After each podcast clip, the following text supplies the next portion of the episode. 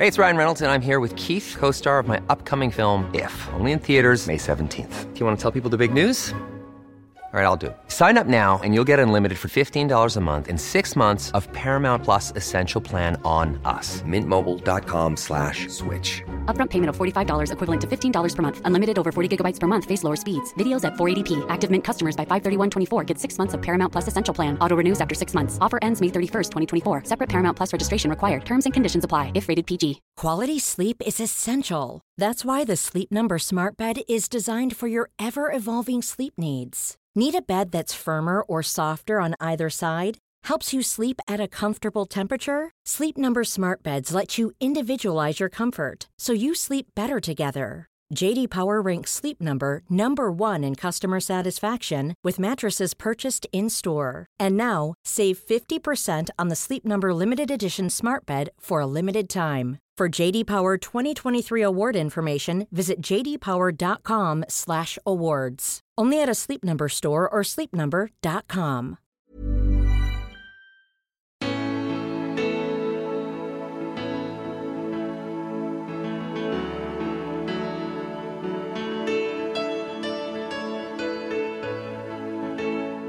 Bara när jag ska hänga tvätten så gör jag det liksom på något tidsoptimerat sätt. Och, och jag är otroligt dålig på att slöa. Och med smart nanoteknik så skulle vi idag, redan, alltså redan nu, kunna skapa vacciner som gör oss immuna mot alla framtida coronapandemier. Där folk plötsligt börjar utveckla faktiskt nanorobotar som kan ta sig runt i kroppen och, eh, och skapa blodproppar där det finns cancerceller. De struntar i vad det är för typ av cancerceller, de funkar på alla cancerceller. Sen måste man beama den här energin till jordens yta och det, då omvandlar man energin till mikrovågor. Det låter som science fiction. Ja, det mesta som Maria Strömme pratar om låter precis så. Som science fiction. Grejen är bara att det är något som de flesta av oss kommer uppleva snart. Mycket snart. Om inte redan nu. Det är oerhört fascinerande att höra vad man kan göra med nanoteknik, eller atomslöjd som Maria kallar det. Som exempelvis att göra byggmaterial av matavfall, återställa döda delar av hjärnan, bota alla som har artros och göra batterier av alger. Men hur ser det ut om nanotekniken kommer i orätta händer? Om man skapar vapen som sprider nanopartiklar så alla blir sjuka, eller planterar in nanopartiklar i människors hjärnor för att spionera? Ja, då blir svaren inte riktigt lika entydiga. Vill du fördjupa dig mer och kolla in artiklar och filmer som Maria hänvisar till? Då surfar du in på poddens nya webbsida spannandemoten.se. Där hittar du också listan på alla gäster med extra länkar och en massa mer intressant info. Maria Strömme, välkommen till Spännande möte. Stort tack! Um, du, du är ju faktiskt min önskegäst uh, ända sedan 2006 och då var inte podden född. är det sant? ja, det är sant. Uh, och det var ju när du var med i Skavlan. Ja, första gången jag var med i Skavlan. Ja, just det. Ja, du har varit med flera gånger Ja, va? två gånger. Mm. Mm. Eh, som sagt var, då hade jag liksom inte en tanke på att starta en, eh, en eh, podd. Ehm, men eh, jag, dels är ju orsaken naturligtvis det ämnet som du är expert på, som vi ska prata om. Och sen faktiskt har jag en, en väldigt personlig anledning eh, till att ha det som önskegäst, men det kommer vi in på. Okej, Ja, spännande. ja. Ehm, och då ska jag vilja ställa frågan, eh, hur mår vi idag?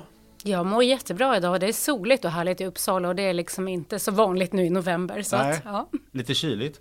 Men eh, ehm, jag ställde den frågan och tänkte så här, undrar om hon svarar nanoteknik på det här? För du har något föredrag sagt så här, eh, ställ vilken fråga som helst så är svaret nanoteknik. Okej, aha, där, då, då kuggade jag redan på startfrågan. Hur ska detta gå?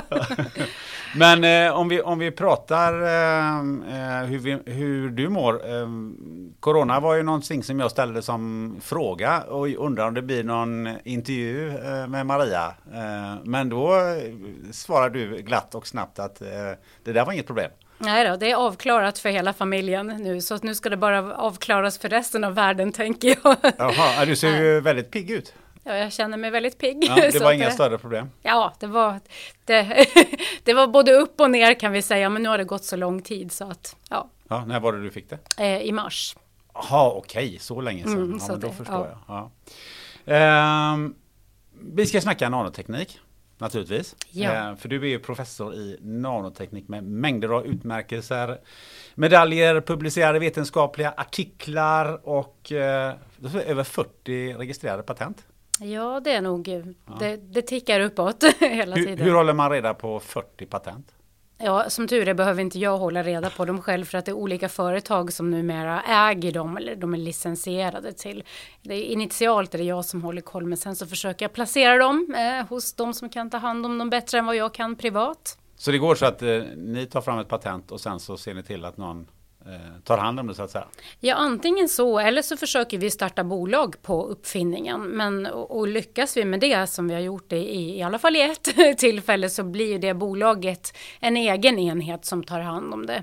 Ett patent är väldigt svårt för en privatperson att hela tiden eh, ha hand om. Så det gäller att hitta något sätt att placera det så att det kan utvecklas vidare. Eh, nanoteknik. ehm, det handlar ju om väldigt små saker. Men jag är ju från Göteborg så kan, jag säger så här, det är ju inte små saker direkt. Nej men det, egentligen är, är det inte det för att vi kan ju se de sakerna vi gör. Det är inga problem med elektronmikroskop att se en nanostruktur så att i, i det sammanhanget är det rätt stort. Vi sitter i någonting som heter Ångström-laboratoriet.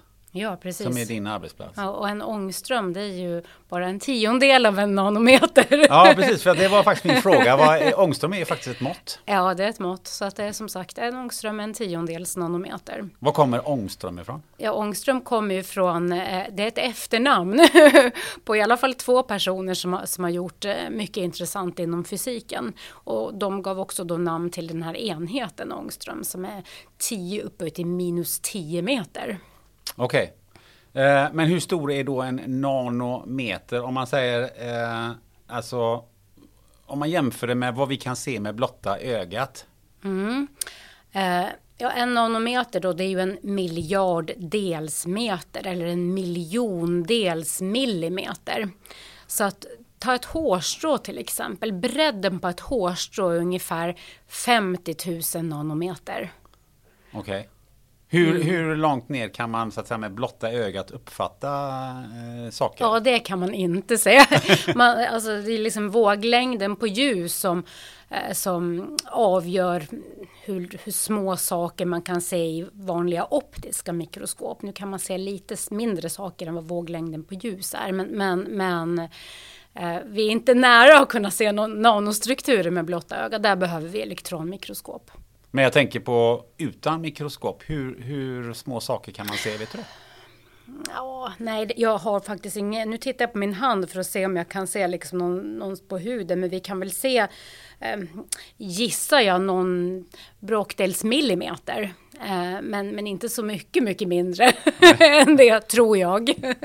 Det här måste du förklara lite mer ingående. Vad, eh, vad är nanoteknik då? Det är små saker som man gör vad då med?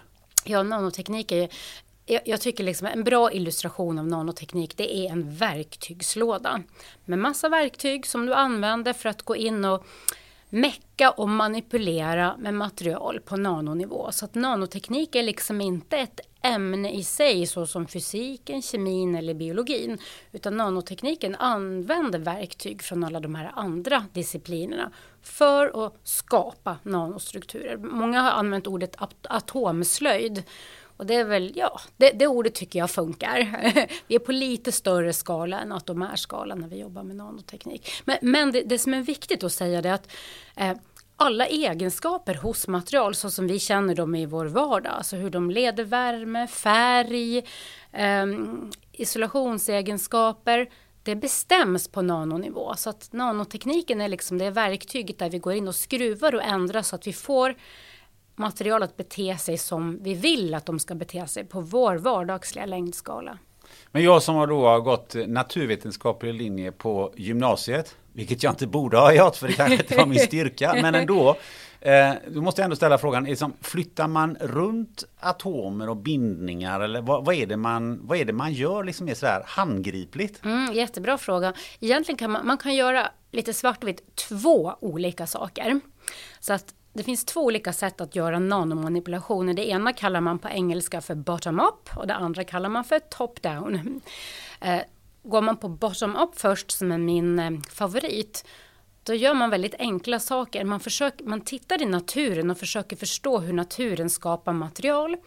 Och så går man i stora kärl, man kan gå i sitt kök, man behöver väldigt enkel utrustning. Så blandar man exakt korrekt koncentrationer vid rätt temperatur, vid rätt tryck och så får man materialet att forma sig själv. Och då kan man skapa jättemycket coola material. Man kan skapa partiklar som har en specifik nanoporstruktur eller ja, massa annat coolt. Eh, så att eh, man, man, kallar det också self-assembly på, e-, på engelska. Vi kopierar naturen. Och det här med top-down då. Eh, då går man in och gör det som du sa nu först. Då går man in och flyttar atomer. Det kan man göra med elektronstrålar och annat. Och ett exempel på ett objekt som vi alla har i vår vardag som man har gjort genom att flytta atomer. Det är transistorn som finns i alla våra mobiltelefoner och datorer och som gör att liksom all kommunikation funkar. Där har man flyttat atomer och lagt dem på speciella ställen. Medan de här läkemedelsbärarna som vi designar nu så otroligt smart, de är alla gjorda med bottom-up. Vi, vi använder våra hjärnor, vi förstår hur vi ska göra och sen så står vi bara i stora kärl och mixar ihop. Och så kan vi titta i elektronmikroskop efteråt och säga just det, vi fick det vi ville ha.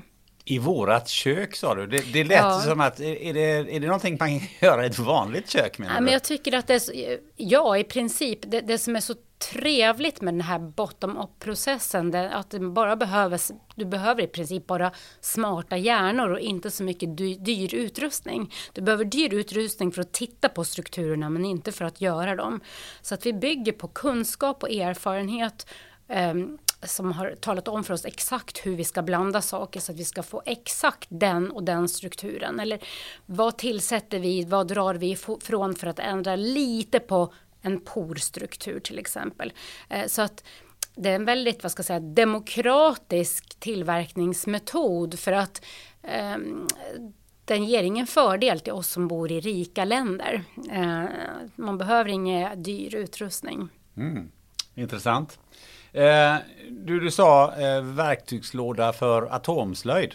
Ehm, eh, hur, hur, var du, hur bra var du själv på slöjd när du var barn?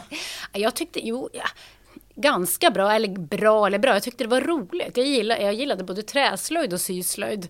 Så att eh, det var ju de här eh, lektionerna man kunde vila huvudet och bara skapa. Så jag tyckte det var kul. Jag har haft olika perioder. Någon där jag har stickat fruktansvärt mycket tröjor och någon där jag har spikt och tält. Så jag, jag gillade de ämnen i skolan. Och det är kanske någonting du gör även på din fritid? Ja, jag skulle önska att det var så, men tyvärr inte så mycket. Ibland kan jag koppla av med monotont arbete som att måla. Alltså mm, bara måla en stor vägg, det kan jag tycka är skönt att bara stänga av. Men, men eh, jag gör det nog inte så väldigt ofta numera. Nej, men jag kan tänka mig det. Någon som, som du som, som står och jobbar med forskning och, och de, de här sakerna som vi ska komma in på. Det måste vara rätt skönt ibland att bara göra det här väldigt enkla och, och befria hjärnan på något sätt, kan jag tänka mig. Jo, men jag föredrar eh, faktiskt monotont arbete när jag liksom utanför jobbet. Inte det här komplexa som att handla, vilket jag ändå gör. Men det här bara att stå och hänga tvätt, stå och dammsuga eller måla, det som inte kräver så mycket hjärnaktivitet kan jag tycka är otroligt avkopplande. Hur är ditt förhållande till eh, naturen då i det läget? Ja, jag är ju helt beroende av naturen. Jag är född och uppvuxen i Lofoten i Nordnorge, så jag har ju det liksom med mig sedan jag var liten att jag hittar lugn i naturen. Jag, jag, får ju ofta fråga av mina kompisar här i Uppsala det här med att gå ut och gå i skogen när det är mörkt. För det gör jag ofta. Jag har liksom ingen rädsla. Det kanske tokigt och farligt men jag hittar liksom någon lugn och trygghet i naturen och jag behöver närheten till naturen. Jag mår inte bra när jag är i en storstad för länge och inte har tillgång till naturen. Hur, eh, hur har det påverkat dig att redan som barn eh, bo på Lofoten och ha så nära till naturen? Ja, antagligen har det påverkat mig väldigt mycket för jag ser ju att det är det jag söker efter för att hitta lugn. Jag åker ofta till Lofoten och där, där blir alla vardagsliga problem små för naturen är så storslagen och då får man liksom rätt proportioner. Så jag använder nog naturen till att kalibrera mig eh, till att liksom försöka få lite perspektiv på vad som är viktigt. Ja, för det kan jag tänka mig att det kan vi ju göra lite vart mans och kalibrera oss i naturen. Ja, det, det, tror jag. Jag tror att det är många som har naturen på det viset. Och jag gillar ju att träna i naturen och gå tuffa toppturer eller ut och springa i. Det får gärna vara liksom dåliga stigar och liksom Lite dåligt väder också Ja, kanske? gärna. Jag, eh, jag peppas faktiskt av dåligt väder när jag springer. För att om man känner det här motståndet och jag orkar inte, men om det blåser och regnar och så gör man det ändå, då blir man lite extra glad. Så att det, det... Men det här med jäklar anamma, eh, hur, hur använder du det när du, är det din uppväxt eller när du gick i, i skolan? Jo, men det, jag har ju alltid velat liksom utmana mig. Så jag, jag, vet inte, jag ska inte säga att jag är tävlingsmänniska, för jag är inte den som tävlar så mycket med andra, men gärna med mig själv. Eh, så att jag har alltid velat, jag har haft väldigt höga krav på mig. Det har inte räckt för mig att ha högsta betyg, utan jag ska spika alla tentor. Det räcker inte med bara femmor på teknisk fysik, det ska vara alla rätt. det är liksom, så väldigt mycket så har jag varit um, under uppväxten. Jag kan titta tillbaks på det och känna att det där var liksom inte riktigt nödvändigt. Jag skulle inte ha gjort om det riktigt så om jag hade levt på nytt igen. Skulle jag velat att någon sa till mig att nej, du, du behövde inte jobba så hårt. så. Men eh, krävde det väldigt mycket arbete av dig eller var det någonting som kom naturligt? Eh, både och. Um, det är klart att det krävde arbete när man har som mål att man inte ska missa en halv poäng. Då måste man kunna allt lite extra plus. Så att, eh, ja, så att det har, det har väl liksom eh, gjort att jag vet att jag har liksom den här extra växeln och kan vara eh, extra disciplinerat. Men i efterhand så kan jag tänka att jag hade kunnat plugga en annan utbildning parallellt om jag hade nöjt mig med mindre. Men eh, jag tror att vissa personliga egenskaper de, de sitter djupt rotade och är svåra att ändra på. Men var det någonting du fick försaka bara för att du var tvungen att göra de här? Eller ja, men, tvungen, så, ja men så är det ju säkert. Men det är svårt att fundera på i efterhand. Det var liksom ingen som pressade mig förutom mig själv. Det var ett självständigt val och det är klart att allt man lägger tid på tar ju tid från annat. Så, att, så var det säkert utan att jag reflekterade över det då och inte nu heller kanske. Det var inte så att eh, farsan sa det, nu har du ett halvpoäng och du missar Nej, det. absolut inte. Mina föräldrar har varit tvärtom. Det har varit ta det lugnt, skolka. Jag, jag var så otroligt flitig student så att det har varit eh, åt andra hållet hela tiden. Jag, ingen har pressat mig mer än mig själv. Jag, jag, är min, och är fortfarande min absolut starkaste slavdrivare och så vill jag ha det. För jag har läst mig till att det finns vissa likheter mellan dig och Gunde Svan jag, jag, jag vill optimera saker. Eller, eller som, jag, jag, kan inte leva utan att optimera saker. Jag, är, um, jag tål inte att kasta bort tid eller när det liksom händer något onödigt. Så att, um, jag multitaskar mycket och uh, ser till att utnyttja tiden väl. Jag, eh, jag kan inget annat. Det... Men det påverkar dig sömnen på något sätt? Du sover väldigt lite? Eller Nej, absolut inte. Jag är en sån som behöver mycket sömn. Men jag kan inte eh, sätta mig i bilen och åka till Ikea och inte hitta det jag ska och åka hem igen. Alltså, så funkar det inte för mig. Jag har liksom alltid kollat att eh, det jag ska åka och göra, det blir gjort. Eh, jag kan inte leva liksom på något annat vis. Och bara när jag ska hänga tvätten så gör jag det liksom på något tidsoptimerat sätt. Och, jag är otroligt dålig på att slöa. det, är en brist. Jag tror att jag skulle nog må bättre om jag kunde det eh, mer. Hur hanterar familjen det? Ja men de är ju vana. De vet ju att det är så. min man är mycket bättre på att ta det lugnt och slöa så att han är min motpol. Så jag försöker liksom lära av honom men det går inget bra. Det här med eh, att du skulle ha toppbetyg och det gällde väl framförallt eh, de naturvetenskapliga ämnena eftersom du hamnade där eh, så småningom. Hur, hur, var, hur såg den vägen ut? Ja, men jag har alltid, matematik och fysik var liksom mina ämnen. Jag har haft oerhört lätt för dem och varit fascinerad över hur man kan använda de två ämnen för att liksom förstå och beskriva naturen. Så att jag letade ju efter en utbildning som, där det var mest möjligt matte och fysik. Och då blev det civilingenjörsutbildning i teknisk fysik som var helt rätt för mig. Eh, och så efter det blev det eh, doktorandstudier i fasta tillståndets fysik och vidare forskning. Eh, och så småningom så utlystes ju den här professuren i nanoteknik Eh, och då kände jag att ja, men det är ju nanoteknik som jag håller på med nu i forskningen även om jag inte kallade det för det. Eh, då sökte jag den professuren och efter intervjuer och så, så fick jag den. Och då blev det det ämnet. Vad gjorde din utbildning i Sverige eller Norge? Ja, jag gjorde den delvis i Sverige, delvis i USA och delvis i Polen. Jaha, inte i Norge alltså? Nej, jag flyttade Nej. från Norge efter gymnasiet. Det, två dagar efter jag var klar med gymnasiet flyttade jag till Sverige. Vad va, detta dra till Sverige? Så, såklart, jag hade träffat en svensk kille. så att, eh, det vanliga skälet att flytta när man är 19 år sådär. Men eh, norska och svenska är ju oerhört eh, likt på många sätt. Men du har inga problem med det? Ingen, eh, det är ingen svorska eller, eller vad ska man säga? Ja, Svensk-norska här? Nej, men jag tror att jag har liksom jag får många, ofta de frågorna men då brukar jag svara att ja men man blandar ju inte svenska och engelska när man pratar. När jag, antingen pratar jag norska eller så pratar jag svenska eller så pratar jag engelska. Det är som att de språken är lagrade på olika ställen i min hjärna så att det skulle bli jättekonstigt och jobbigt om jag började blanda dem. Det, det funkar. Men om vi tar det här med nanoteknik då. Nu, du halkar in på det ämnet men hur halkade man överhuvudtaget in på nanoteknik om man tittar lite historiskt? Vad, vad kommer det här ifrån? När, när började det här egentligen? Ja, det är en bra fråga. Om man liksom går tillbaka, så man måste gå tillbaka till 50-talet. Eh, nu kommer jag inte ihåg exakt årtal, kan det vara 1953 kanske.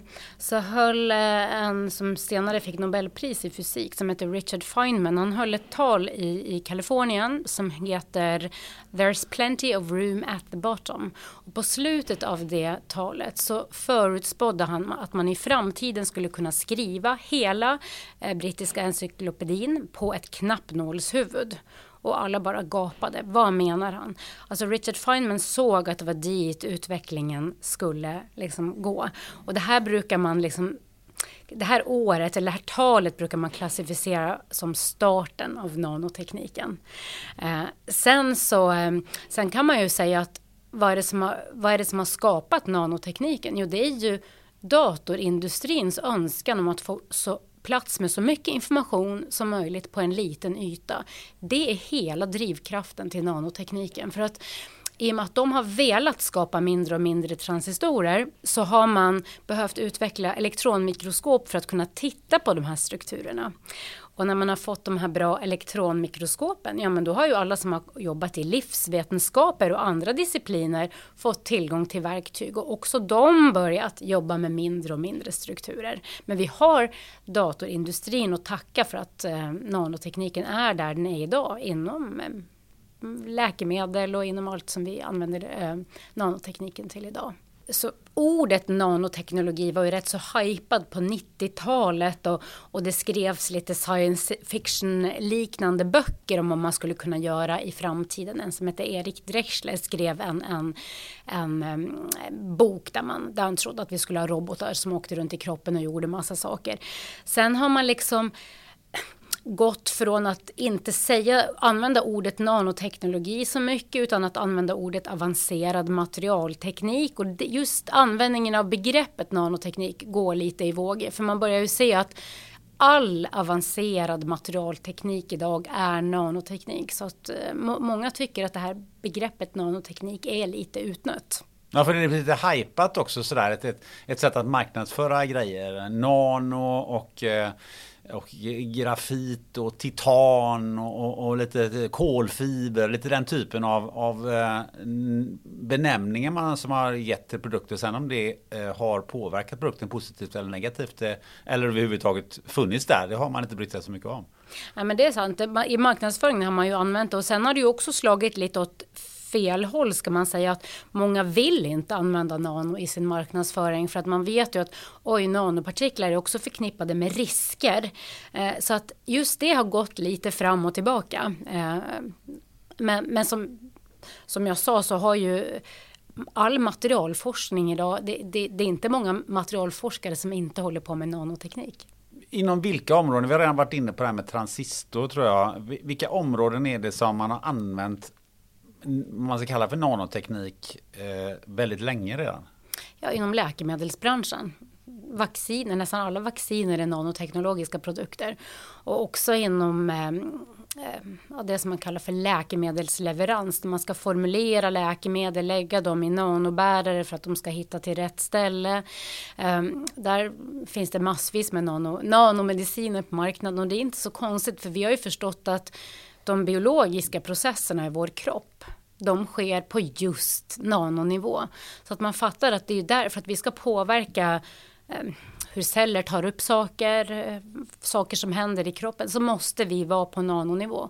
Så därför, förstå, därför är det lätt att förstå att eh, medicin, läkemedelsbranschen länge har jobbat med nanoteknik. Men har man inte gjort det inom hudvårdsprodukter till exempel, eller, eller inom fotografi eller? Eh? Ja, hudvård så har man ju, alltså tittar man på solkrämer så har ju solkrämer traditionellt länge innehållit bland annat titandioxid, nanopartiklar där de bolag som har utvecklat dem är jättenoggranna med att påpeka att de här eh, nanopartiklarna de sitter i kluster så de är minsann inte farliga och det där har ju skapat en enorm debatt men vi vet ju att det är ju litenheten hos de här titandioxid nanopartiklarna som gör att de funkar som solskydd så att vi har ju länge haft den typen av, eh, av produkter på huden.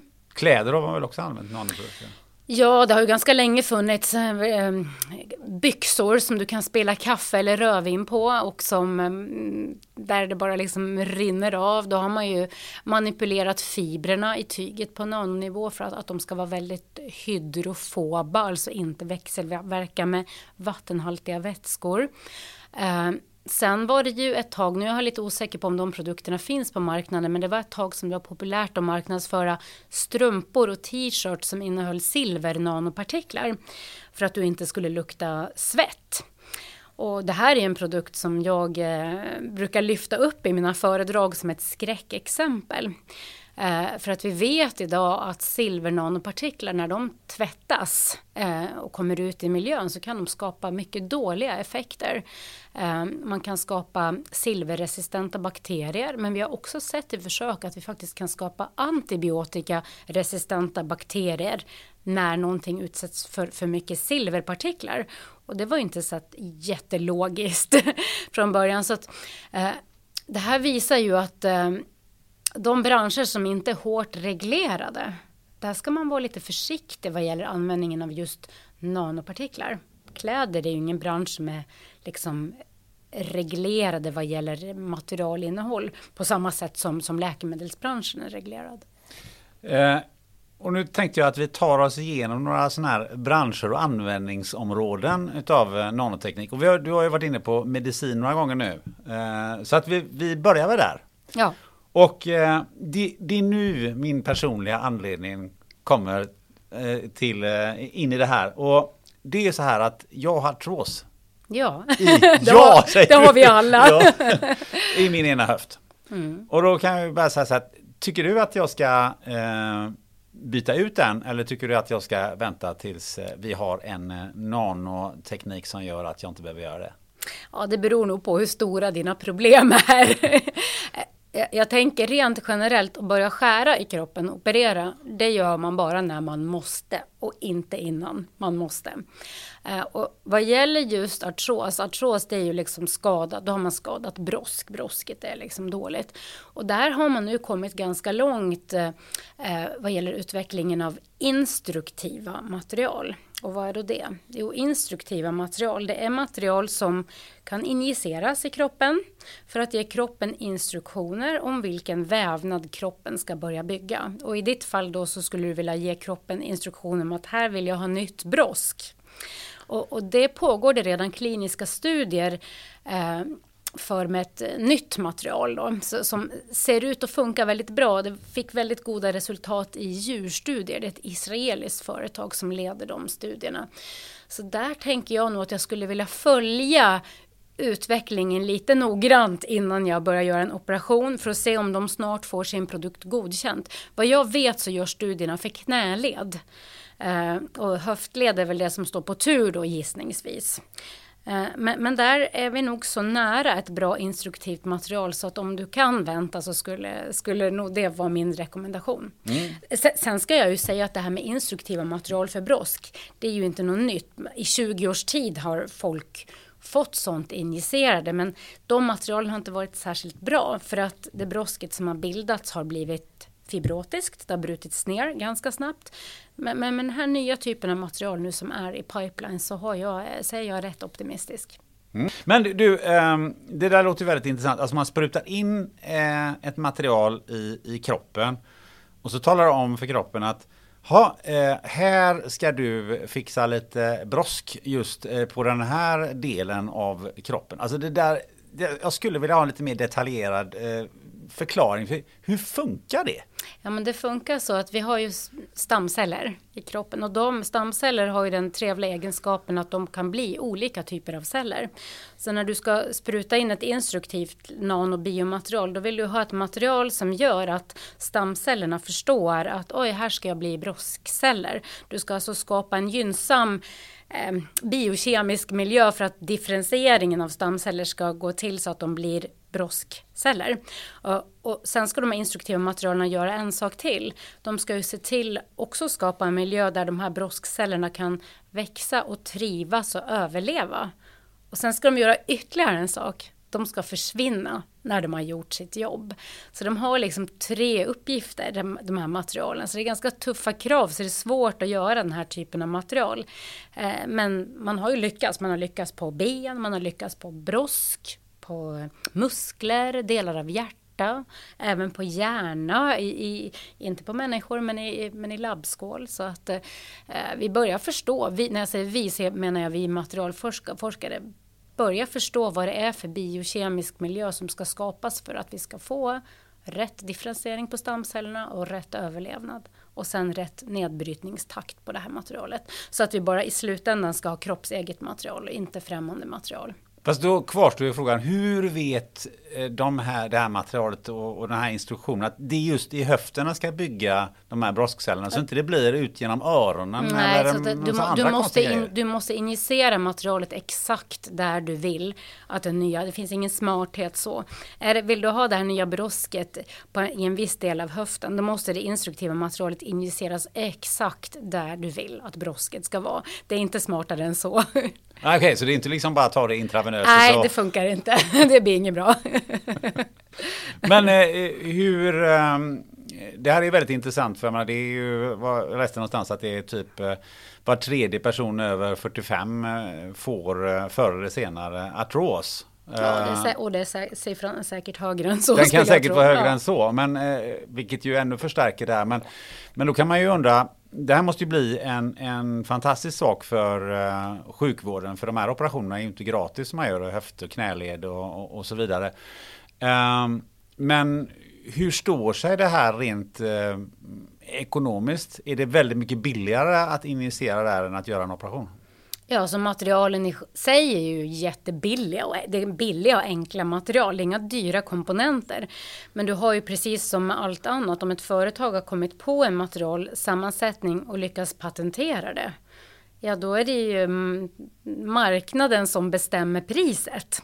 Eh, så att det bestämmer ju hur dyrt det ska bli. Sen är det klart att vad gäller liksom vårdkostnaden så är det ju väldigt mycket billigare att injicera ett material och skicka hem patienten jämfört med att börja söva, operera och den rehabilitering som krävs efter att kniven har varit i kroppen.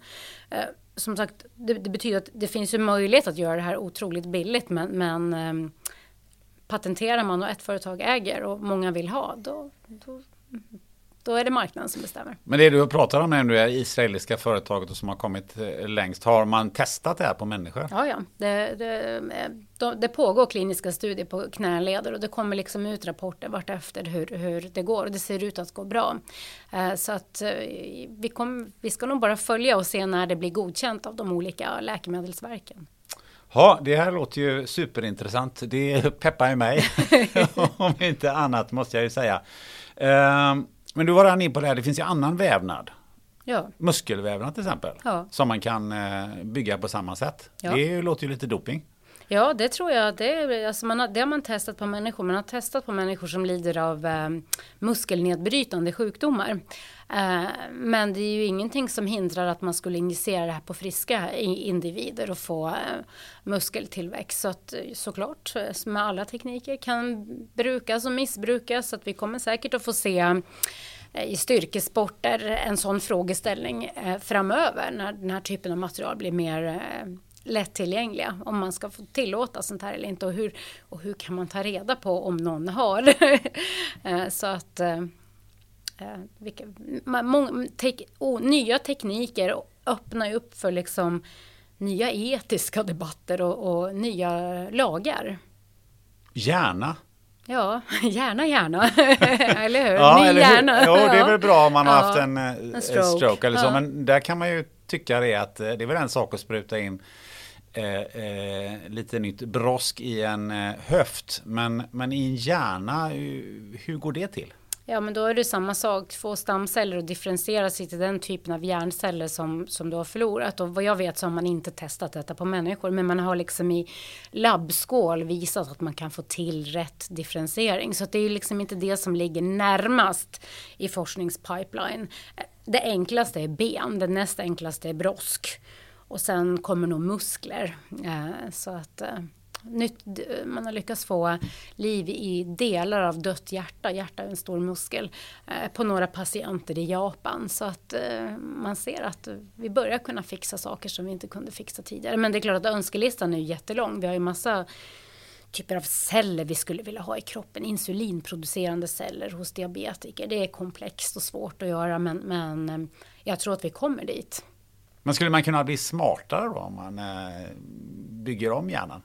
Ja, jag vet inte om det här just med instruktiva material skulle vara vägen att gå där. Där tänker jag att det är nog andra tekniker man skulle kunna jobba på. I, nu i år var det ju eh, CRISPR-Cas9 som, som mm, belönades med Nobelpriset i, i kemi. Och, eh, börjar man liksom förstå hur våra eh, gener påverkar olika processer i hjärnan så tror jag att det är enklare att gå den vägen och skapa barn med smarta hjärnor än just med instruktiva material. Men du sa, eh, du nämnde eh, eh, rygg. Eh, är det också en sån sak som man har jobbat med? Alltså jag tänker på eh, ryggförlamade personer som Ja, har då är, det, då är det ju nerver som är vävnaden som man vill hjälpa till med och det har man gjort. Man har, eh, eh, det finns flera olika aktörer runt om i världen som har skapat material som kan stoppas in i ryggmärgen på förlamade och där är liksom tänket att få bort ärrvävnad i ryggmärgen. För nerver gillar inte att växa där det finns ärr. Ers, ersätta ärrvävnad med ett instruktivt material som nerver gillar att växa i så att eh, nerver över och under skadan kan hitta varandra och koppla ihop igen. Eh, och, eh, man har opererat ett antal patienter i USA med den här tekniken och fått väldigt goda resultat. Det man har sett dock är att eh, man be behöver väldigt lång rehabilitering och liksom hälsotäckningen av eh, den typen av vård i USA ser ju olika ut, eller annorlunda ut jämfört med i Sverige. Så att det har varit mycket debatter om hur, hur ska de här patienterna få det stöd de behöver framöver. Men man har sett att man har lyckats återfå motorisk funktion under skadan med den här typen av material. Så de har alltså fått eh, folk folk att gå igen? Ja, att gå med hjälp av stöd, gå stol, gå i bassäng, eh, inte att springa maraton kanske. Eh, Sen ska jag ju säga att det är ju andra tekniker också som tävlar med nanotekniken här. Du har ju neuroteknik där du har elektrodplattor inopererade i ryggmärgen som skickar ut rätt signaler där man ganska snabbt har fått förlamade att gå. Så att vi får väl se vem som vinner tävlingen. Blir det nanoteknik eller blir det neuroteknik? Spelar egentligen ingen roll. Nej, det spelar ingen roll. Bara folk eh, får åter eh, möjlighet att gå Ja. som är förlamade. Eh, jag tror att du nämnde cancer också eh, förut. Eh, hur eh, har nanotekniken utvecklats där? Ja, där händer det ju väldigt mycket. Eh, det är väl kanske området inom medicinen som det eh, händer mest på. Eh, det finns redan idag ett 10-20-tal godkända läkemedel, cancerläkemedel som använder nanoteknik. Nu är ju cancer nästan 300 olika sjukdomar så att det är en bit kvar innan man eh, har hittat botemedel för alla. Men eh, det finns liksom olika nanofenomen man kan utnyttja när man ska bota cancer. Det ena är att allting när en cancertumör växer ju jättefort, slarvigt gjort. Blodkärlen blir slarvigt gjorda, betyder att de får tunna väggar. Så att små saker läcker ut, ja då är ju det smart för då kan man ju lägga ett läkemedel inuti en liten nanobärare och så behöver man bara vänta. När det passerar tumören så läcker det ut där. Så då får man ju liksom ett sätt att leverera läkemedel till precis rätt ställe. Eh, sen vet vi också att eh, cancerceller kan ha olika molekyler på sin eh, yta, annorlunda molekyler än friska celler. Då kan man ju också sätta adresslappar på ytan av nanobärare med läkemedel som ser till att de här adresslapparna bara binder på cancerceller. Så att det kallas för active targeting på engelska. Så alla de här teknikerna använder man nu idag när man tar fram eh, cancerläkemedel. Så att eh, eh, nanotekniken kommer nog vara väldigt viktig vad gäller att bota de flesta cancersjukdomarna. Hej, it's Ryan Reynolds jag är här med Keith, co-star of my upcoming film If, only in theaters May 17th. Do you want to tell people the big news? All right, I'll do it. Sign up now and you'll get unlimited for $15 a month in six months of Paramount Plus Essential Plan on us. Mintmobile.com slash switch. Upfront payment of $45 equivalent to $15 per month. Unlimited over 40 gigabytes per month. Face lower speeds. Videos at 480p. Active Mint customers by 531.24 get six months of Paramount Plus Essential Plan. Auto renews after six months. Offer ends May 31st, 2024. Separate Paramount Plus registration required. Terms and conditions apply if rated PG. Hold up. What was that? Boring. No flavor. That was as bad as those leftovers you ate all week. Kiki Palmer here, and it's time to say hello to something fresh and guilt-free. Hello Fresh. Jazz up dinner with pecan-crusted chicken or garlic butter shrimp scampi. Now that's music to my mouth. Hello Fresh. Let's get this dinner party started. Discover all the delicious possibilities at hellofresh.com. One size fits all seems like a good idea for clothes until you try them on. Same goes for healthcare. That's why United Healthcare offers flexible, budget friendly coverage for medical, vision, dental, and more. Learn more at uh1.com. Ser du att man inom en rimlig framtid skulle kunna bota de flesta cancersjukdomarna, eller nästan alla? Ja, det gör jag. Eh, frågan är, om följdfrågan är hur många år, då blir det svårt. Eh, men vi ser ju liksom teoretiskt hur vi ska göra. Så att, eh, men sen får vi bara ha respekt för att det tar tid. Man ska genom kliniska prövningar, man ska optimera. Eh, och, och, samtidigt med, medan man håller på med att utveckla läkemedel för olika cancertyper så, så kommer det liksom hopp i forskningen där man plötsligt, alltså när jag menar hopp så menar jag jump, alltså inte hope. Eh, där folk plötsligt börjar utveckla faktiskt nanorobotar som kan ta sig runt i kroppen och, eh, och skapa blodproppar där det finns cancerceller. de struntar i vad det är för typ av cancerceller, de funkar på alla cancerceller. Så att plötsligt ser vi, wow, vi kanske inte kommer att behöva utveckla läkemedel för alla cancertyper om en sån teknik fungerar.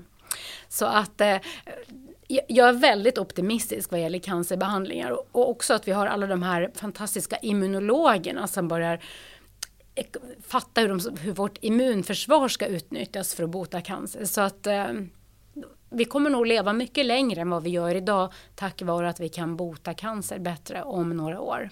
Då måste vi halka in på det ämnet som vi bara lite lätt startade i, i den här diskussionen, det vill säga corona jag ser ju att nanotekniken skulle kunna hindra att vi får en situation lik den vi har idag igen om vi är lite smarta. Nu har vi ju ett eh, coronavirus som har hoppat, muterat, hoppat från kanske fladdermöss, vi är inte säkra, till människa. Och samtidigt så vet vi att det finns ett antal coronavirus bland djur som ännu inte har tagit sig över till människa. Men vi kan ju enkelt analysera dessa coronavirus, vi vet vilka de är. Och med smart nanoteknik så skulle vi idag, redan, alltså redan nu, kunna skapa vacciner som gör oss immuna mot alla framtida coronapandemier. Och eh, eh, jag kan förklara liksom hur man skulle kunna göra det, för jag tycker det är så coolt. Det är en forskare som heter David Baker i USA som leder den här utvecklingen. Då kan man alltså göra en konstgjord proteinboll, en nanoproteinboll. Och på den här så kan man sätta ytproteiner från alla coronavirus som inte har hoppat över till människa. Och så skulle vi kunna ge oss människor en shot med det här. Och varför skulle det då kunna skapa så sjukt bra immunitet? Jo, för då skapar man ett vaccin som har liksom ett repetitivt mönster på sin yta. Du kan tänka dig en proteinboll i mitten med massa såna här små taggar som ser ut som ett mönster. Och vårt immunförsvar är enormt bra tränat på att vara livrädd för repetitiva mönster på sin yta. Och varför är det det? Jo, det är det för att bakterier typiskt har repetitiva mönster på sin yta och vi är tränade att ta hand om dem. Så att på det viset skulle man kunna skapa ett starkt immun, en stark immunrespons eh, som skulle kunna göra oss immuna väldigt länge mot eh, liksom, framtida coronaviruspandemier. Och för att det här ska funka så måste vi då hitta proteindelar som inte ändras så mycket under mutation. Men tittar vi på ytan av alla coronavirus så vet vi redan idag att vissa proteiner inte ändras så mycket under mutation. Det här spike-proteinet som alla nu vet vad det är som coronavirus har, det ändras en hel del under mutation. Men det finns andra proteiner vi skulle kunna använda istället som inte gör det. Och det jag hoppas det är att den här forskningen ska få bra finansiering. För det skulle vara otroligt skönt om vi skulle kunna ha redan nu ett skydd mot framtida coronapandemier. För det är inte svårt, det behövs liksom bara lite tid och pengar. Det där lät ju otroligt intressant. Ja, det är jättespännande. Jag kan rekommendera er att titta på Youtube-föreläsningar av, av just David Baker där han förklarar hur det funkar. De är jättekul. Ja, det måste ju lägga upp eh, naturligtvis några länkar på det. Eh, superintressant. Om vi lämnar eh, medicin och går eh, eh till det som gör att vi eh, faktiskt har liv på jorden, nämligen solen. Just det. För det vet jag också att eh, nanoteknik eh, är eh, på frammarsch. Absolut. Vad är, vad är det för någonting då? Ja, det är mycket grejer. Eh, såklart, det första man tänker på är ju solceller. Så hur får man liksom bättre solceller än de vi har idag? De är ju inte jätteeffektiva, de solceller vi har idag. Man kan väl skapa 30 procents eh, verkningsgrad i, i labb och de ligger, inte vet jag, någonstans 20-30, de som vi kan sätta på hustaken. Eh, men med nanoteknik så ser vi att vi skulle kunna göra solceller som är mycket mer effektiva. Det är ju liksom en väg att gå. Eh, men en annan väg att gå som handlar om liksom smart materialteknologi som jag tycker är mycket spännande det är att faktiskt att ha solceller i rymden. Eh, och, och, varför det? Jo, om man skulle kunna ha solceller i rymden så, så behöver man ju inte alla förluster som atmosfären eh, eh, orsakar. Eh, och både Kina och USA har nu strategier för att skapa solcellsfabriker i rymden. Eh, särskilt Kina har tagit fram en strategi där man ska faktiskt mm, innan 2050 skicka upp 3D-skrivare i rymden som skriver ut solceller som behövs. Och varför göra så istället för att bara skicka upp solcellspaneler? Jo, för att det blir billigare för då kan du skicka upp lite material i taget. Och där krävs det ju en enorm materialutveckling på nanotech-sidan för att skapa dessa material som ska skrivas ut. Och jag tycker det är liksom det är en spännande utveckling. Eh, och eh, i våras, precis innan sommaren, så så berättade US Naval Research att de hade skickat upp en solcellspanel för att testa för att se om det funkar. För det man gör då det är att samla in solenergin. Sen måste man beama den här energin till jordens yta och det, då omvandlar man energin till mikrovågor. Det låter som science fiction. Men, men där, där ser vi ju en galet spännande utveckling. Och, jag menar, solen är ju så sjukt underutnyttjad den strålar, bara på en timme så strålar solen in tillräckligt med energi mot jordens yta för att det skulle kunna täcka hela jordens energibehov under ett år. Så att eh, bara med små framgångar där så kan vi göra stora vinster och göra oss oberoende av eh, smutsig energi. Men kan vi eh, inte tillverka rätt mycket av den energin på jorden här? Jag tänker på mycket effektivare solfångare till exempel och andra eh, Eh, produkter som, som kan eh, eh, använda solen som energikälla? Absolut. Jag menar, eh, det, det, pågår nu massvis med forskningsprojekt med nanostrukturerade solceller. Eh, det kommer att ta tid innan de kan producera sol, storskaligt. Så att eh, där får vi bara ha lite tålamod. Men, men, utvecklingen går såklart åt det hållet. Sen finns det många andra smarta sätt att utnyttja solen för att spara energi eller skapa saker som är bra för miljön. Till exempel så kan man rena vatten eh, med hjälp av solenergin. Så att det pågår väldigt många spännande materialutvecklingsprojekt där solenergi används till olika saker. Kan man tänka sig att en bil är så effektiv solfångare så att man aldrig behöver tanka den?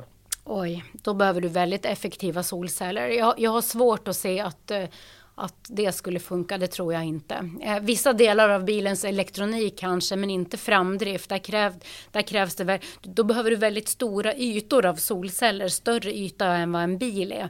Och sådana solceller finns inte nu i, i, liksom i pipeline. Även om de skulle ha 100% verkningsgrad så skulle det vara svårt att få till. Där behöver vi andra lösningar. Men om vi kan använda solpaneler för att fånga in solenergin och ladda upp batterier. Då är det klart att bilen skulle kunna drivas på, energi, eh, på solenergi, men inte som frittstående enhet. Nej, för du, eh, jag vet ju att man använt batterier eh, som, eh, alltså som byggmaterial och även att eh, du har varit med och tagit fram ett algbatteri. Ja, jag har tagit fram ett batteri som vi ursprungligen kallade för algbatteriet. Nu, nu kallade vi det för pappersbatteriet. Eh, varför hette det algbatteriet? Jo, vi, vi använde cellulosa från en grön alg för att göra batteriet. Så att det var inte alger i sig utan det var cellulosa som var basen. Eh, och under utvecklingen av det här batteriet så har vi ju insett att om vi ska få det här att funka industriellt så måste vi försöka få det att funka på cellulosa från träd för det är mer lättillgängligt. Och det har vi ju nu lyckats göra och nu är det ett stort svenskt företag som har skalat upp produktionen och visat att ja, det här går att göra i pappers, eh, på pappersmaskiner. Ehm, ehm, eh, så att man har skrivit ut väldigt, väldigt långa remsor av detta batteri. Så jag hoppas verkligen att vi ska få se det på marknaden. Ehm, om inte integrerat i byggmaterial så absolut integrerad i förpackningar och kanske i stora energilager. På en tågstation där man inte är så kinkig med att saker behöver vara smått och kanske för att ta hand om inbromsningsenergin från tåg där du kan ha ett stort hus med pappersbatterier. För att det som är bra med de här typen av pappersbatterier det är att de är snabba. De tar snabbt hand om elektrisk laddning.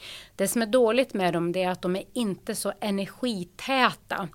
Så har du krav på att saker ska vara smått som i mobiltelefon, då är det inte ett första användningsområde. Någonting som är intressant att eh, på de senaste, eh, tror jag, halvåret så har vi vid tre tillfällen tror jag haft negativa energipriser i Sverige. Eh, vilket för mig lite grann till en tanke som en annan gäst har utvecklat här. Eh, en kille som heter Ami Mohammed som är AI-expert. Han gick ut och påstod, sa så här att om 20 år så kommer vi inte att eh, eh betala några pengar för eh, eh energi. Ja, då är han ju optimist. jag, vet inte om jag, jag vet inte vad han grundade det på, men, men eh, det låter ju trevligt. Jag kan inte säga att jag håller med honom. Jag skulle behöva lyssna på hans argument för det. Det, det vore ju trevligt om, om vi har så, över, så stort överskott på grön och, och gratis energi så vore det fint. Ja, men jag tänker på det du sa här nu med, med solenergin ja, och jag... att du kan göra byggmaterial som, som, och färg som, som kan använda solenergi. Så någonstans där så, även om han stack ut hakan där så har, kan jag tänka mig att han inte har helt fel om man tittar lite grann Nej, det, det, det, är inte omöjligt. Men ja, 20, nu när du sa 20 år så tyckte jag det lät som ganska kort tid. För jag inser att det är galet mycket saker som behöver hända. Men samtidigt så vet jag ju att vi forskare, vi om vi tittar på kort sikt, på fem års sikt, så tenderar vi överdriva något enormt vad som ska hända. Men tittar vi på 20-30 års sikt så brukar vi vara alldeles för pessimistiska. Så det är möjligt att jag då är precis som alla andra forskare och säger att nej, det tror jag inte om 20-30 år. Sen har mycket, mycket mer hänt. Så att eh, jag hoppas han får rätt. Eh, men, men, eh, jag skulle inte våga säga att jag tror det. Nej, men jag tycker det är inte, in, det, en intressant jag, jag tror att det kan och att det kommer att hända. Och jag hoppas att det kommer att hända. För när och om det händer så betyder det att vi har nått det här gröna målet med totalt hållbara energisystem. För då behöver vi utnyttja solen till exempel. Eh, men om 20 år, ja vi får se. En annan grej som jag har eh, läst om det är ett ämne som heter grafen. Ja. ja, vad kan man säga om det? Ja, men det är ju ett spännande material. Uh, alltså upptäckten av grafen ledde till uh, ett Nobelpris i fysik i 2010 och grafen är ju ett uh, det är ju ett atomlager av kolatomer som sitter i en viss struktur. Och det är oerhört starkt och det är elektriskt ledande. Och väldigt mycket forskningsmedel har ju eh, getts till forskare runt om i världen att, eh, som handlar om att utveckla grafen. Och det händer massa spännande, roliga, coola saker. Och jag skulle jättegärna vilja berätta om en helt ny cool grej som händer där. Eh, en av mina favorit nanoforskare, han heter James Tor och han jobbar på Rice-universitetet i USA. Och det är han som ligger bakom världens första nanobil. Han ligger bakom världens första nanoborr som borrar sig in i cancerceller för att döda dem. Och såklart ligger han också bakom världens första vad ska jag säga, kommersiella metod att enkelt och billigt storskaligt göra grafen. Och det forskningsprojektet började på ett eh, helt nördigt sätt. En av hans ehm, gruppmedlemmar kom på ett sätt att göra grafenkretsar i en smörgås. Alltså han gjorde om kolatomerna i en smörgås till grafen utan att tillsätta nytt material. Men han använde lasrar och värmde upp och ritade liksom elektriskt ledande kretsar i smörgås. Och sen av bara farten så gjorde de det i potatis och i kokosnötter. Och man kan ju undra, jaha okej okay, vad ska vi använda det här till? Och de skrev lite artiklar om varför det skulle vara bra att ha elektriskt ledande grafen i mat. Man skulle kunna ha då kretsar som känner av olika saker. Är maten bra? Har den utsatts för en hög temperatur under transport? Och så tyckte man, ja ja det var väl sådär halvintressant. Men nu väldigt nyligen så visade de att den här metoden att rita grafen i på smörgås kan användas till något helt annat. Det kan användas för att göra om vårt enorma matavfall och vårt berg av plastsopor till just grafen. Och grafen är ju ett värdefullt och dyrt material. Och skulle man då ta det här grafenet som man har mm, gjort om från matsopor och tillsätta det till cement då skulle vi få en enorm positiv miljöpåverkan. För cementproduktionen på jorden står för en tiondel av hela människans koldioxidutsläpp. Och skulle vi bara kunna tillsätta 0,1 procent grafen i cement, då skulle vi reducera klimatavtrycket till cement med en tredjedel. Och varför, består, varför bidrar cement så här negativt? Jo, vi bygger ju enormt mycket. Folk flyttar till städer och vi håller på att transportera cement och vi gör cement. Och kan man då tillsätta pyttelite grafen i cement då behöver vi mycket, mycket mindre cement i alla våra byggprojekt. För att grafen är så starkt så det bidrar med styrka till cementen. Så att plötsligt här så har du från ett nördigt crazy projekt med smörgåsar och potatis skapat någonting som kan göra en enorm skillnad för mänsklighetens klimatuttryck. Och det tycker jag är så otroligt roligt och liksom exempel på hur liksom forskning som inte har något speciellt mål som bara en lek kan ända upp i någonting som blir så viktigt. Återigen en fantastisk eh, eh, historia som, som ju låter enormt intressant. Eh, Apropå material så har ju du varit med av en olyckshändelse och tar fram ett eget unikt material. Just det, just det. Upptäckten, uppfinningen av Uppsalit. ja. Vad är det för något? Eh, ja, det är eh, materialet är en magnesiumkarbonat som är porös. Den är nanoporös, så det är pyttesmå nanotunnlar i det här materialet. Och eh, det här materialet har jag berättat om i många olika sammanhang men för att göra en lång historia kort då, så, så ville vi göra just ett sånt där. Vi ville göra nanotunnlar i magnesiumkarbonat för att vi ville ha en ny typ av läkemedelsbärare och vi valde magnesiumkarbonat för att det är snällt material och det är stabilt. Och vi misslyckades varje gång vi försökte göra det. Och vi hade ju inte läst på ordentligt så vi hade ju inte läst alla artiklar som hade bevisat att materialet inte gick att göra. Tur var väl det. Eh, sen blev en forskare i min grupp sjuk. Han fick eh, någon förkylning och feber och var borta och glömde att stänga av en värmeplatta och kom tillbaks efter förkylningen och tänkte slänga bort materialblandningen. Men han lyfte på locket och såg att oj, det här har blivit gult. Det har inte hänt förr. Jag torkar och ser vad jag har och vips så hade vi materialet som vi hade kämpat att göra i över ett år. Och det var först då som vi började läsa på ordentligt och såg att nej, det här skulle vi inte kunna greja göra. Och då gick pulsen upp på mig och jag var djävulens advokat och eh, försökte på alla sätt och vis och motbevisa oss.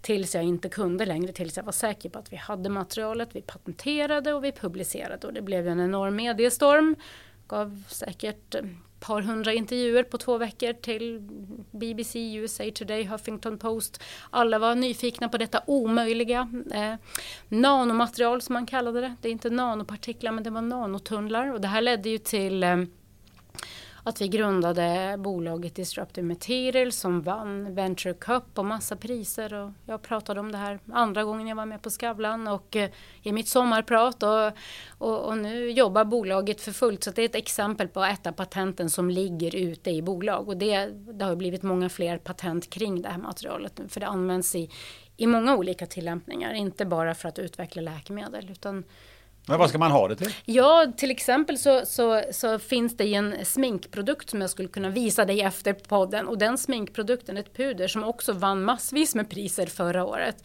För det här materialet suger upp eh, olika typer av vätskor väldigt bra. Så det suger upp det här fettet från huden som ligger och kloggar igen porerna så att man håller sig fräsch och snygg eh, hela dagen. Och finns ett, ett klätterpulver som nu har sålt slut och som ska användas på eh, OS i Tokyo skapa bra grepp och så. Så att det, det, det, har visat sig ha tillämpningar i andra områden än vi initialt tänkte. Sen är ju mitt forskningshuvudområde handlar om det här materialet som läkemedelsbärare och det är också ett av huvudspåren för, för bolaget som utvecklar det. Intressant. Men du, nu har vi ju ehm, eh, sjungit eh, nanoteknikens lov under ganska lång tid. Vi ska ju fixa det här med, eh, med hållbarhet och eh, miljö och eh, framtida mediciner och, och alla möjliga sådana här grejer.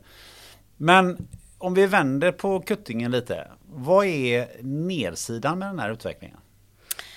Ja, men det finns ju risker kopplade till nanoteknik och jag skulle vilja liksom förklara då att det finns risker kopplade till nanopartiklar. Nanomaterial är inte lika med nanopartiklar. Eh, ta instruktiva material. Oftast innehåller de inga nanopartiklar. Utan varför kallar man det för nanomaterial? Jo, det är för att vi har liksom använt nanoverktyg för att ge materialet rätt egenskaper. Men vissa Vissa tillämpningar bygger på nanopartiklar och där finns det risker för nanopartiklar tar sig in lite överallt. I, i behandlingen av cancer så såg vi ju exempel på att ja, de kan läcka genom blodkärl och det är ju bra för att då kan vi leverera cancerläkemedel till rätt ställe. Men samtidigt så inser vi att okej, okay, Nanopartiklar kan också ta sig över blod-hjärnbarriären och vi vill ju inte få upp material i hjärnan som vi inte vill ha där. Eh, så att vi inser att det krävs, kräver ju liksom en ny typ av lagstiftning i, han, i, i hanterandet av nanopartiklar. Och, och, jag kan vara lite orolig för de områden som inte regleras på ett bra sätt nu. Till exempel tillverkningen av kläder och byggmaterial. Vi har ju inget läkemedelsverk som ska godkänna kläder som ska ut på marknaden. Så vi har ett litet öppet fönster mönster, eller har, i alla fall haft det, där saker som inte är bra kommer ut för att vi inte har bra lagstiftning. För att utvecklingen av material går fortare än vad lagstiftningen hinner med.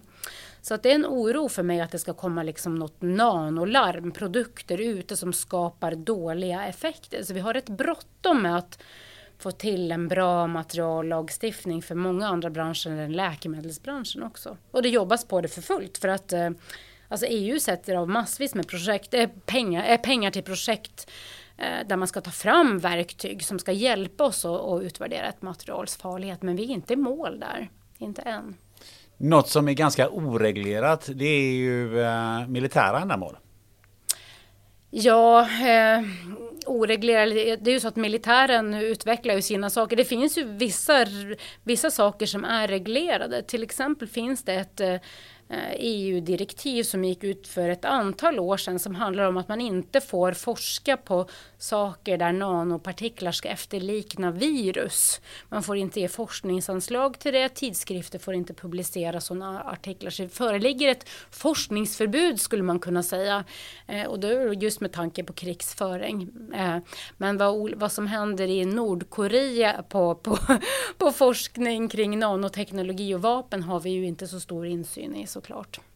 Nej, för jag har läst mig till lite grann att eh, man, man, man, forskar till exempel kring, kring osynlig färg, eh, radar som ser genom, genom väggar, eh, skyddsglasögon mm. för, för laserpulser, osynliga flog, flygplan och ehm, till och med, jag vet att i, för ganska länge sedan i Europaparlamentet så diskuterade man eh, vapen i, eh, keramiska material, alltså någon form av miniraketer och, och eh, att man, man kan använda nanopartiklar som biologiska eh, stridsmedel. Det låter ju inte sådär Nej. Väldigt uppfriskande. Nej, och så här ser det ut med alla teknologier. Alla teknologier kan missbrukas och alla teknologier missbruks. Jag menar, ta bara IT, IT liksom övervakning, vi har haft massa, vi har haft Snowden-affären, vi har haft massa saker som kan göras med olika teknologier och därför är det ju så viktigt att vi bibehåller starka demokratier runt om i världen så att vi enas om vad som ska vara tillåtet och ser till att ha system eh, som, som ser efter efter att vi faktiskt följer reglerna. Så att eh, det här är en ny teknik och liksom AI så kommer det öppna upp möjligheter som vi inte vill se heller. Men vi, vi forskare, vår roll är ju att ta fram verktyg och möjligheter som är goda. Och sen när vi ser vilka negativa konsekvenser det kan ha så måste lagstiftarna på banan snabbt och reglera. Så därför är det väldigt viktigt att politiker växelverkar med forskarna och politiker förstår implikationer av forskning. Men eh, diskuteras det här tillräckligt eh, ofta och tillräckligt mycket? För jag kan tänka mig att om man tittar på AI pratar man autonoma vapen och så blandar man ihop det med, med eh, nano partiklar och som sprids i, i, i vatten eller eh, att du kan ganska enkelt skriva ut grejer på 3D-skrivare och så vidare. Vilket gör att tillgängligheten till, till olika typer av vapen ökar ju eh, ganska markant. Eh, alltså man kan ju ibland undra som, kommer vi få göra oss själva med de här grejerna? ja, det är en bra fråga. Nej, men, alltså, så här är, lagstiftningen hänger ju efter. För att man kan inte lagstifta innan man ser vad som är möjligt. Så att vartefter som forskningen går framåt så kommer vi hela tiden att ha ett fönster framför oss där saker inte är reglerade i lag och där de är möjliga. Så att det, därför är det så otroligt viktiga, viktigt att politiker är lyhörda och är på banan och ser hur och när man behöver lagstifta. Att, alltså, och, och sen ska vi ju också tänka på att olika demokratier kan tänka olika om vi går tillbaks ett antal år och tittar på stamcellsdebatten. Så i, i 20, 2002 eh, så sa ju George Bush, han gick ut och sa att nej man får inte göra några nya stamcellslinjer i USA. Varpå, eh, i och med att man behövde använda embryon till det då. Eh, och då gick ju National Academy of Science ut och sa, men då kan, inte vi, då kan inte vi hålla våra löften om den medicinska utvecklingen som vi har tänkt om du ska förbjuda detta. Vad hände då? Jo, Sverige eh, införde inte en så strikt lagstiftning. Massvis med saker var tillåtna i Sverige varpå amerikanska forskare då väldigt gärna ville samarbeta med svenska forskare. Och det här tycker jag är ett väldigt intressant exempel för det här har vi två demokratier som tänker olika kring etiken och beslutar olika och så ser jag nog att det kommer att bli med nanotekniken och med AI också, vilket är okej. Okay. Så länge det är demokratier och man har någon etisk debatt så kan man komma till olika slutsatser. Men du, de flesta länderna i världen är faktiskt inte demokratier. Nej, så är det ju. Då hoppas vi att de som inte är det också fattar bra beslut. Men, ehm, för man kan ju fundera lite grann på hur ska vi få politikerna att hantera de här eh, frågorna tillräckligt snabbt? För det måste också vara svårt för dem att veta och vara insatta i vilken typ av beslut de ska ta, vilka implikationer de besluten får. Jo, men det, då, då handlar det om tredje uppgiften om jag då tittar till Sverige. Vi forskare har ju ett uppdrag eh, som heter att informera allmänheten. Eh, och, och bland annat också då politiker. Och jag upplever nog att politiker här i Sverige oavsett parti eh, försöker hålla sig uppdaterade kring, kring forskning. Vi, vi har ofta besök eh, av eh, mm, olika företrädare för olika partier som, som vill veta var forskningsfronten står. Så att eh, eh, här i Sverige tycker jag att det sköts bra och jag, jag hoppas att det ser så ut i, i väldigt många andra länder också. Eh, vi var inne på det här med eh, att vi kommer att leva mycket längre på grund av eh, att vi tar fram nya mediciner. Cancer kanske, vad vet jag, om 20 år eller hur, hur lång tid det nu tar så kommer vi inte att dö av det. Vi kommer att, att vara friska. Vi kommer inte få några coronaepidemier. Eh, vi, vi kommer helt enkelt att bli äldre. Ja. Och då, då ställer sig, infinner sig frågan Kommer vi alla att bli äldre eller kommer vi att få en större skillnad i samhället på de som har råd att bli äldre och de som inte har råd att bli äldre? Mm, det är ju en väldigt intressant fråga. Det är kanske ingen fråga för en materialforskare. Men jag har fått den frågan förr. Um, det beror ju på vad det kommer att kosta de här olika produkterna och precis som när vi pratade om instruktiva material för höftleder så ser jag att de material som tas fram och de behandlingsmetoder, det är ju liksom inte ingredienserna som är dyra. Frågan är vad marknaden kommer, hur marknaden kommer att prissätta dem. Det är, det är en fråga som inte ligger för oss materialforskare. Men jag, jag ser ju att vi har möjlighet att bli väldigt mycket äldre. Vi har möjlighet, vi har pratat om behandlingar av cancer, vi har också behandlingar av Alzheimers och andra eh, som också är en stor åldersrelaterad sjukdom. Eh, det vi inte har pratat om det är diagnostik som är nästan ännu viktigare. Hitta sjukdomar innan vi blir sjuka. För då kan behandling bli riktigt billig. Så där är det liksom en stark potential att nanotekniken ska bidra eh, och hjälpa oss att hitta sjukdomar innan vi blir sjuka. Eh, då skulle det kunna bli billigt att hålla oss eh, friska mycket längre när vi inte behöver gå in med väldigt kostsamma behandlingar. Eh, så att det finns en möjlighet i detta att vi alla skulle kunna bli väldigt, väldigt mycket äldre. Men sen hur marknaden, pris, vem som patenterar vad och hur det prissätts, otroligt svårt att förutspå. Um, skulle det rent kunna vara så här att nanotekniken kommer att förbilliga eh, sjukvården eller kanske till och med förhindra att vi hamnar i sjukvården? Då? Ja, det tror jag definitivt. Um, framförallt, jag ser att nanotekniken kan eh, bidra till att vi slipper dyra ortopediska operationer som du, vi pratade om höftled, knäled, eh, artrosrelaterade operationer och dyra cancerbehandlingar. Kan vi hitta cancer tidigt behövs det mindre invasiva behandlingar som också blir billigare och då får vi personer som är mindre sjuka och som inte belastar sjukvården. Eh, och, och det här med att vi då blir friskare, det betyder ju att ja, då kan vi också jobba längre och bidra längre. Och det kommer vi att vara tvungna att bli för att eh, vi, har, vi, vi ser ju ett demografiskt skifte framför oss nu där eh, jordens befolkning Visst, den ökar, men det är inte antal barn som ökar. Vi har uppnått peak child på jorden. Det är två miljarder barn på jorden och det blir inget fler. Så att det är antalet äldre som blir fler. Vi kan inte ha alla dessa stackars ungdomar försörja alla oss gamlingar. Vi måste kunna försörja oss själva. Så att det är svårt att se liksom exakt hur det här ska gå ihop. Men Eh, så som jag ser det, friskare mycket längre. En 70-80-årings kropp lika ung och funktionell som en 40-årings är idag. Så att man bidrar och jobbar och har ett rikt liv och därmed inte kostar sjukvården eller pensionssystemet. Och sen så man tänker vidare på det så blir man rent filosofiskt och frågar ja men när ska vi dö, vad ska vi dö av?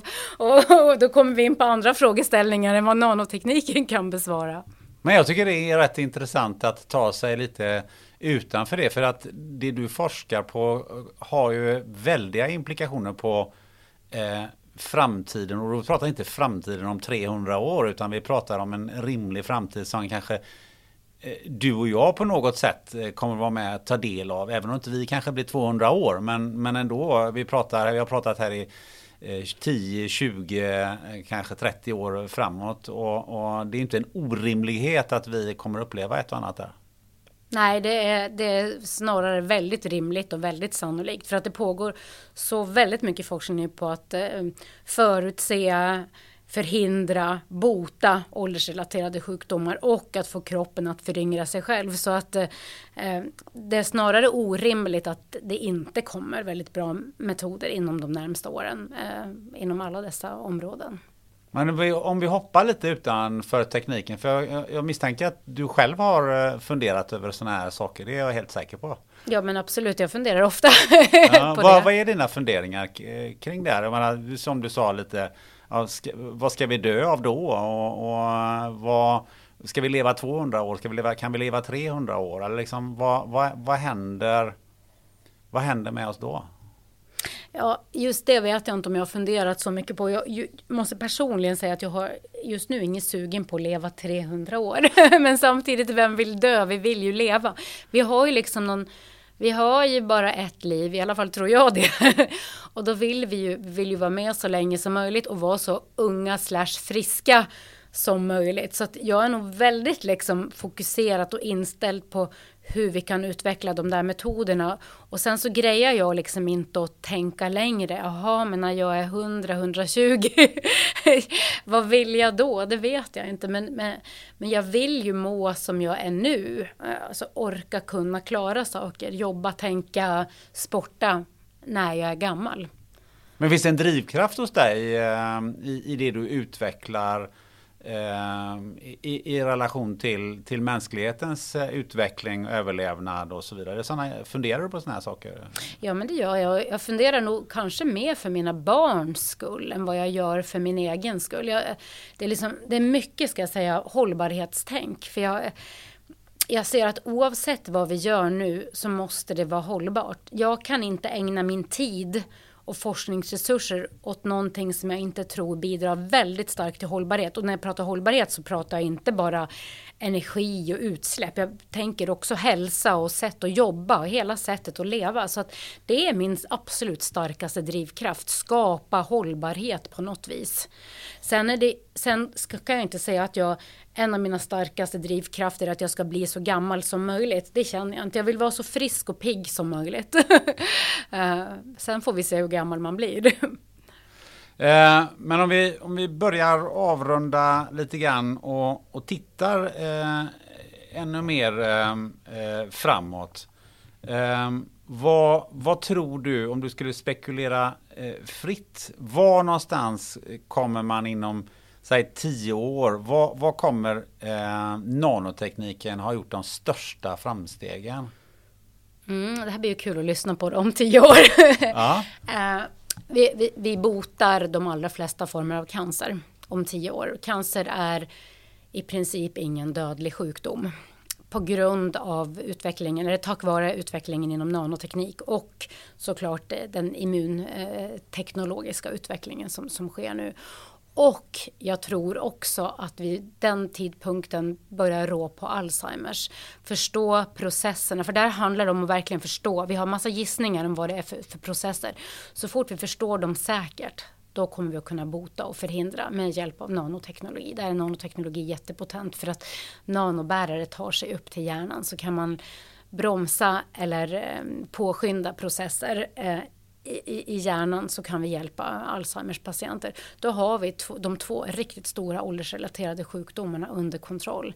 Eh, så att eh, jag tror att tio år ska räcka för att vi är nära det. det... Var är vi någonstans när det gäller hållbarhet? Ja, det beror på vem som leder de, de största länderna skulle jag nog vilja säga. Eh, med rätt ledarskap så, så har vi kommit långt. För vi, vi kan ställa om. Med den teknik som idag utvecklas så finns det möjlighet, jag är en teknikoptimist som dör. så finns det möjlighet att ställa om så att vi blir netto nollutsläppare så småningom och har förnybar energi. Klarar vi det på tio år? Nej, det gör vi inte. Garanterat inte. Men jag vill verkligen hoppas och se att vi är på rätt väg. Eh, då. För, för, för, det är möjligt med de resurser vi har idag. Men där, där är det politiska beslut och inte materialutveckling som bromsar. Men det känns ju som att eh, man pratar om 2050 var helt klimatneutral. Det låter ju väldigt långt bort och eh, känns ju lite efter den här diskussionen som du har haft att det kommer vi att nå långt tidigare. Ja, det, det jag tror att det är tekniskt möjligt att nå det tidigare, men frågan är om det är politiskt möjligt. Det är där frågan ligger tror jag. Ja, men tror du inte att det är ekonomiska intressen som kommer att vara det som spelar mest roll? Ja, och det måste det bli. Eh, men, men som man ser så är det mycket lokalekonomiska eh, eh, argument som, som driver politiken i olika länder. Eh, men tittar man global ekonomiskt så är det ju garanterat så att det är hållbarheten som vinner. Och det kommer vi att se mer och mer blir drivande. Men vi måste bara till den tipping point där det inte är någon det är ingen fråga ens om att det ska vara det mest lönsamma och vi är inte där än, inte globalt. Tror du att vi tillverkar eh, bilar som går på eh, fossila bränslen eh, om tio år? Ja, en bra fråga. Tio år är ganska kort. Vi tillverkar, jag tror inte att alla fossilfri bilstillverkning är borta om tio år. Det, det, krävs nog längre tid tror jag. Nu var jag lite pessimistisk hörde jag. ja. um, Ja, det här tio år, det är liksom en, frågar du mig fem år, ja, då är vi inte klara. På, tio, på 15 år kanske vi har klarat det, vi är ju på väg dit. Ja, för jag tänker Ja. att eh, vi, det vi var inne på med eh, sol, att använda solen på ett mycket effektivare sätt. Och då finns det ju egentligen ingen anledning att, eh, att plocka upp olja ur marken och köra till exempel bilar på det. Nej, det gör det inte och det kommer vi inte att göra på sikt. Men det, det är en tidsfråga och vad är den här tidsfaktorn? Och det är den som är så svår för oss forskare att svara på. För att i och med att det inte bara handlar om material och forskningsframgångar, det handlar om politiska beslut. Och där ska man gissa vilka diskussioner som pågår och vilka ekonomiska incitament som införs. Så att ehm, För egentligen kan man väl säga så här att eh, om det finns tillräckligt stora ekonomiska incitament, det vill säga att företagsekonomiska incitament att tillverka eh, batterier på det sättet som, som du har beskrivit eller, eller eh, solfångare eller, eller vad det nu är för någonting. Eh, då går det ju rätt fort när det finns kapital i botten som driver saker och ting som säger att ja, men det här kan vi tillverka till en tiondel av det här priset och det är tio gånger så effektivt. Absolut. Och, eh, men då ska vi också komma ihåg att det är inte riktigt så svartvitt. För med den batteriteknologi vi har idag, den beror av väldigt mycket ohållbara material. Kobolt till exempel, som är en konfliktmineral som framförallt utvinns i Kongo. Vi har mycket hinder på vägen som vi måste ta oss över för att få en hållbar batteriteknologi. För utnyttjar vi solen och ska lagra i batterier så har vi massvis med problem vi behöver lösa där också för att skapa hållbarhet där. Det är inte bara att fånga in och köra med batterier. Så att då kommer en annan fråga, hur lång tid tar det innan vi har en storskaligt, fruktansvärt bra och hållbar batteriteknologi. Ja, där har vi också jobb kvar att göra. Men, men det är möjligt, det jobbas på det. Och vi, vi är på vägen dit, men tidsfaktorn är svår att svara på. Men om vi spekulerar om en annan grej då. Um, om människor i ditt skrå, det vill säga forskare som håller på med, inte nödvändigtvis bara med nanoteknik, men, men med teknik inom de här områdena som vi varit inne på. Om ni plötsligt skulle få tio gånger så mycket pengar till att forska på. Vad Ja. skulle hända då? Ja, det skulle gå snabbare eh, såklart. Om man lyckas anställa rätt hjärnor som driver projekt för de pengarna så såklart skulle vi komma snabbare fram till de där uppskalningsbara nanoteknologiska solcellerna och de mer miljövänliga batterierna. Absolut är det så. För det behövs, inom de här områdena så behövs det mycket experiment och nötande och förbättringar eh, snarare än kanske revolutionerande upptäckter. Så att eh, för revolutionerande upptäckter så räcker det att en forskare tänker rätt. Men för det här som progressivt blir bättre så behövs det många och då behövs det pengar. Så att mer pengar till den typ av forskning, ja, skynda på utvecklingen. Och det är väl både ett företags, eh, en företagsfråga och en politisk fråga som du varit inne på då. Absolut. Ja. ja. Det, det har varit eh, fantastiskt härligt att, att prata med dig. Vad är dina reflektioner om det här samtalet? Ja, jättekul. Vi har varit inne på många olika saker och det är mycket att tänka på efter, efter detta samtal känner jag. Ja, om du skulle eh, vilja eh, bestämma vem jag skulle intervjua och prata med här då, vem, vem skulle det vara? Jag tycker du skulle prata med Sara Mangsbo. Hon är cancerimmunolog och hon blev också utsedd till Årets entreprenör förra året. Hon jobbar på Uppsala universitet och eh, jag tror att hon kan ha svaret på hur man skulle kunna bli av, alltså bota cancer mycket snabbare än vad jag tänker med hjälp av nanoteknik. Hon har väldigt många spännande järn i elden och är ju intressant att prata med nu med tanke på coronapandemin eh, och eh, alla immunologiska konsekvenser som, som den pandemin har. Superbra tips.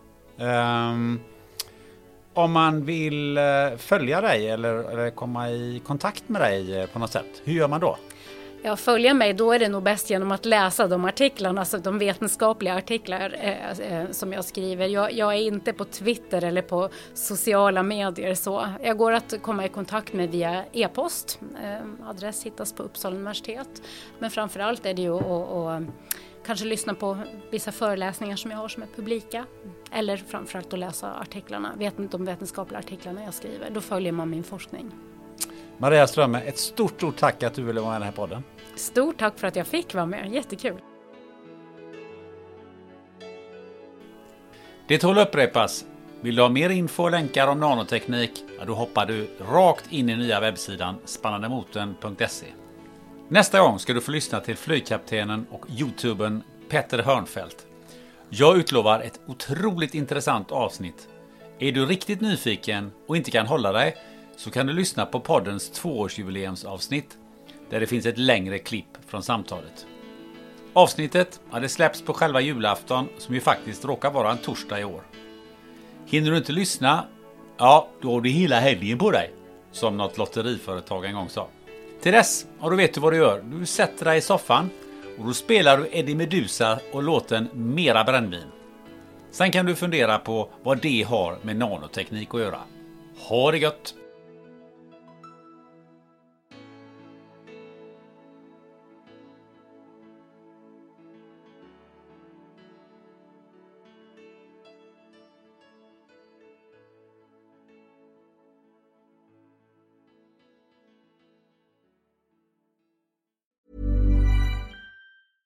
Ever catch yourself eating the same flavorless dinner three days in a row? Dreaming of something better? Well, HelloFresh is your guilt-free dream come true, baby. It's me, Kiki Palmer. Let's wake up those taste buds with hot, juicy pecan-crusted chicken or garlic butter shrimp scampi. Mm. Hello Fresh. Stop dreaming of all the delicious possibilities and dig in at HelloFresh.com. Let's get this dinner party started. Hi, I'm Daniel, founder of Pretty Litter. Did you know cats tend to hide symptoms of sickness and pain? I learned this the hard way after losing my cat, Gingy. So I created Pretty Litter, a health monitoring litter that helps detect early signs of illness by changing colors, saving you money and potentially your cat's life. Pretty Litter is veterinarian developed, and it's the easiest way to keep tabs on your fur baby's health right at home. Go to prettylitter.com and use code ACAST for 20% off your first order and a free cat toy. Terms and conditions apply. See site for details.